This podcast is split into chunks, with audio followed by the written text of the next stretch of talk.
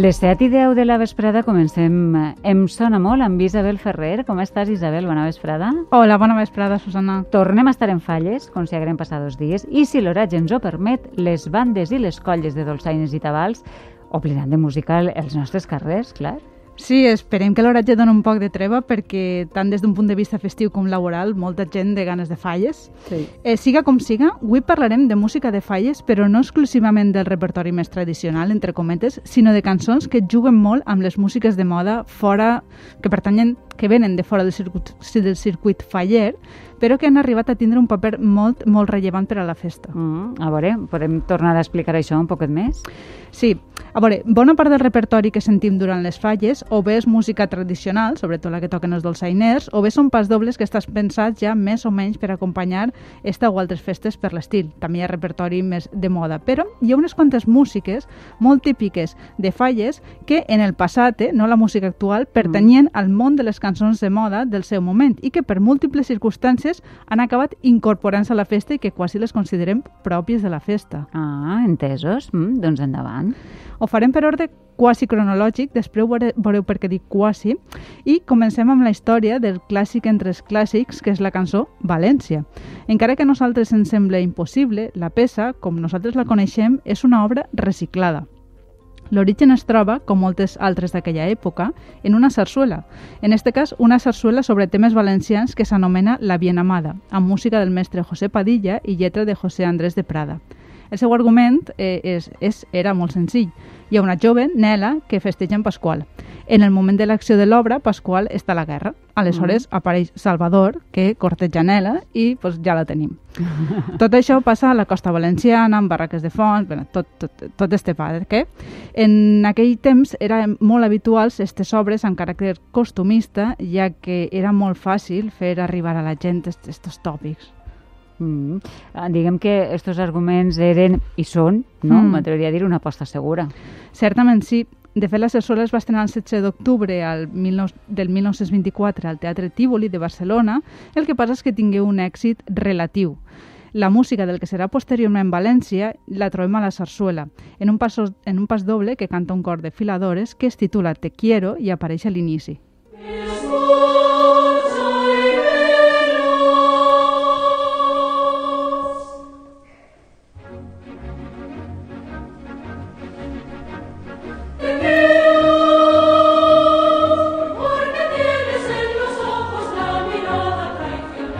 Aleshores, eh, esta seria la versió original de la peça. La versió, diguem, original, abans de ser València, era Te quiero, i és el que, ah. el que sentim. Eh, però pel que sembla, eh, un parell d'anys més tard, la cantant catalana Mercedes Serós, que en aquell temps estava de gira a París, va demanar al compositor a Padilla que li escriviera alguna peça per estrenar-la al Teatre Olímpia. I aquí diu que la cantant tenia un vestit de valenciana que volia aprofitar i d'ací que demanara uh, al compositor esta peça que també estava en, en aquella ciutat. Aleshores necessitava que estigués ambientada yeah. d'alguna forma mm. en València. I el Te Quiero es va transformar en València. En València. jo he estat mirant per damunt dels periòdics de l'època i no puc confirmar la dada de Mercedes... Eh, es pot confirmar la dada de Mercedes Eros, però no la del vestit. El cas és que suposem que per qüestions d'economia de temps, Padilla va decidir aprofitar un fragment de la sarsuela, però adaptant-li la lletra a, també de cara al públic francès, deslligada de la resta de la sarsuela. Imaginem que la cosa sonaria una miqueta com això.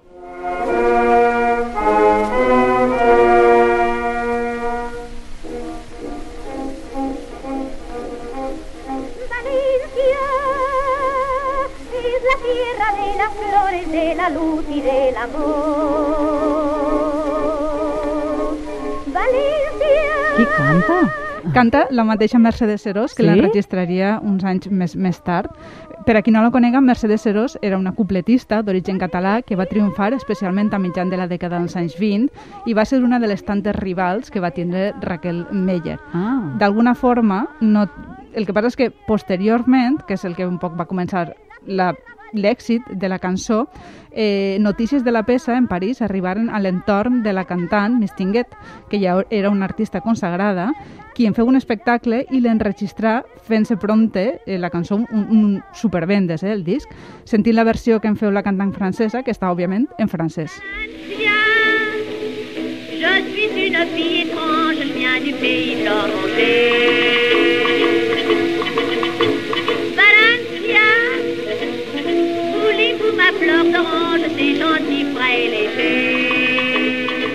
Però que, que xulo, que curiós, no?, esta versió. Per tant, deixa'm que te faça una... Acabe de caure en que quan li diem «Oi, mira-la, la mestingué», Eh, sí, sí, suposa que ve d'estar... Clar, sí. clar, clar, clar, no havia caigut, ara, ara ho he lligat, efectivament. Doncs molt curiosa aquesta versió, en francès. Sí, va ser l'inici d'una llarga vida internacional, ja a partir dels anys 20-30, per, per tot el món. Eh?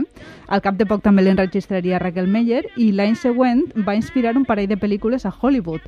Jo encara no l'he pogut veure, però si algú li interessa el tema, hi ha un documental sobre José Padilla, el compositor, Sí. que narra un poc tot, tot això i, i suposa que on s'hi podran veure més imatges i documents.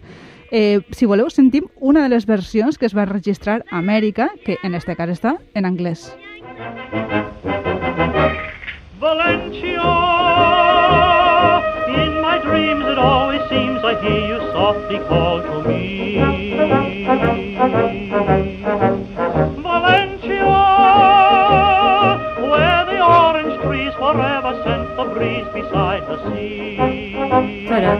Esta sona més com a jazz. Sí, de fet, si les contem des del principi, encara més, quan, quan comença a cantar no tant, però sona totalment com un ballable d'aquell moment. Uh -huh. I a partir ja d'aquest moment l'han enregistrat molts cantants arreu del món i per a la ciutat de València és com un himne oficiós, però com dic, era una peça de moda. Uh -huh. eh, si no vaig errada, és la peça que s'interpreta en l'entrega de flors de l'ofrena de falles, no? Sí, tanmateix no he sabut trobar des de quan hi ha este costum. En realitat, si ho comparem amb l'existència de les falles, l'ofrena es va inventar de forma relativament recent i va molt lligada al franquisme, ja que data dels primers anys de la dècada de 1940. A veure si algú ens pot aclarir eh, quan comença a interpretar-se, eh, perquè jo pel que he pogut de, deduir, al contrari que en altres aspectes, l'ús d'unes músiques o altres a l'ofrena no està del tot regular. Vull dir que les bandes podrien entrar amb qualsevol altra música adient a l'acte, Ahà. però bé elles o bé les comissions falleres decideixen accedir amb esta peça a la plaça de la Mare de Déu. Bé, doncs ja sabem més coses de la cançó València, més cançons de falles, Isabel. Doncs del, de València, del mestre Padilla, que és de mitjan anys 20, ja saltem a un dels discs més interessants que s'han fet i que ja ha esdevingut tot un clàssic, que és Borumballes falleres dels Pavessos. Mm. Pareix que va ser eh, ahir, però ja és un disc de l'any 1981, i tot i que és l'últim dels quatre discos que té el grup, eh, suposa que està lligat a l'origen no? de, del mateix que es va crear al si, que es va crear al si d'una falla. Doncs en ell, en el disc, el grup valencià, que ja sabeu que es caracteritzava per reinterpretar des d'un punt de vista molt irreverent repertori tradicional valencià, va fer un disc amb, el, amb el, alguns dels èxits més coneguts de la música fallera, molts dels quals són fins i tot anteriors a aquesta cançó València, són d'abans dels anys 20, fins i tot de la dècada de 1910. Per això comentava que no anava del tot per ordre cronològic, perquè algunes de les cançons d'Espavissa són més antigues que València.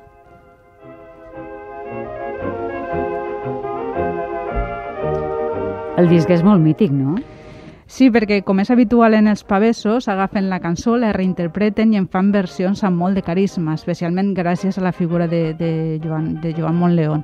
Probablement del disc la versió més reconeguda és El Fallero, Sí. de, de José Serrano, i n'hi ha unes quantes més que en si són cançons lligades al món de les falles. Però també n'hi ha d'altres que interactuen amb les músiques de moda d'aquell moment, del moment de la creació, però també del moment de quan és el disc. Jo em quede amb una d'elles, que és eh, este Chacarrà, que ara escoltarem, que és una versió molt salsera, molt a l'estil de Pedro Navaja, d'un tema popular valencià en un arranjament de Jordi Reis, totalment per als envelats eh, com de les orquestres, no? com hem escoltat abans. policero es fica en un carrero, cae un cable y es rostilla, igual que un botifarro. Chacarrac, ja que t'entre guapassa. Estàs net. Esta és absolutament inconfusible, Isabel. Totalment. Jo podria posar-vos tot el disc perquè m'agrada molt, eh, però mm, el, el deixem per, per a descobrir un altre, un, altre, un altre dia. I parlant de descobrir, el disc conté una musicació també d'Estellers, que es diu Primavera Popular, en forma de tango, però en compte d'aquesta voldria posar-vos en una altra que no ha arribat a cançó emblemàtica, però podria haver-ho sigut. És esta cançó de Paco Muñoz anomenada La nit de Sant Josep, escrita també sobre un poema d'Estellers. Absurdament el cel s'omplia de jardí. Esclataven les altes carcasses de les falles. Tota València era una foguera alegre. que xula. Sí, particularment és una cançó que em resulta molt curiosa sentir Paco Muñoz en un, en un paso doble, però la lletra és veritablement preciosa i, i, i crec, que, crec que val la pena escoltar-la escoltar més. Músiques populars pujaven per les cuixes. Clar, és estellers total. Sí, és molt, és, la veritat és que està molt ben, molt ben trobada. Mm -hmm. I ja l'última cançó emblemàtica d'avui és València en falles, Sí. que jo crec que sona, si no cada dia, molts dies en la, en la mascletà. Doncs la cançó és obra del compositor Jaime Palacios Alventosa, que va ser una personalitat des dels anys 60 en el món de la música popular, que va acompanyar a, a gires a Camilo VI o a Conchita Bautista. Per la seva banda, la lletra és de Vicente Raga Salvador, qui probablement pels, pel nom així tampoc us diga directament res, però és una personalitat que hi ha al darrere de les lletres de molts èxits del món valencià de les varietats, com esta cançó que reconeixereu fàcilment i de segur que també ha sonat en molts envelats fallers. Posa en menta, posa en menta, que el voler així no augmenta, que les coses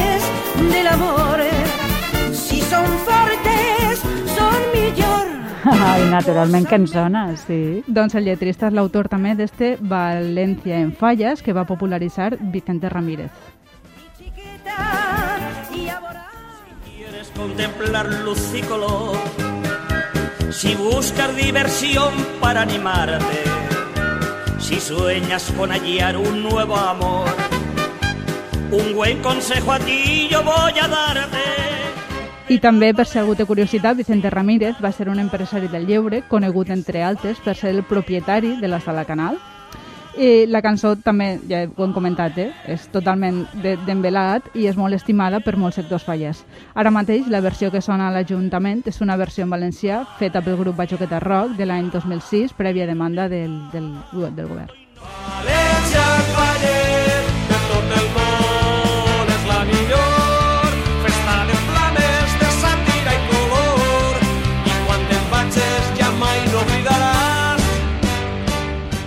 I bé, serà el temps qui dirà com evoluciona l'esdevenir d'esta cançó, ja que hi ha qui demana que s'instaure com a himne faller, tant en una versió com en l'altra.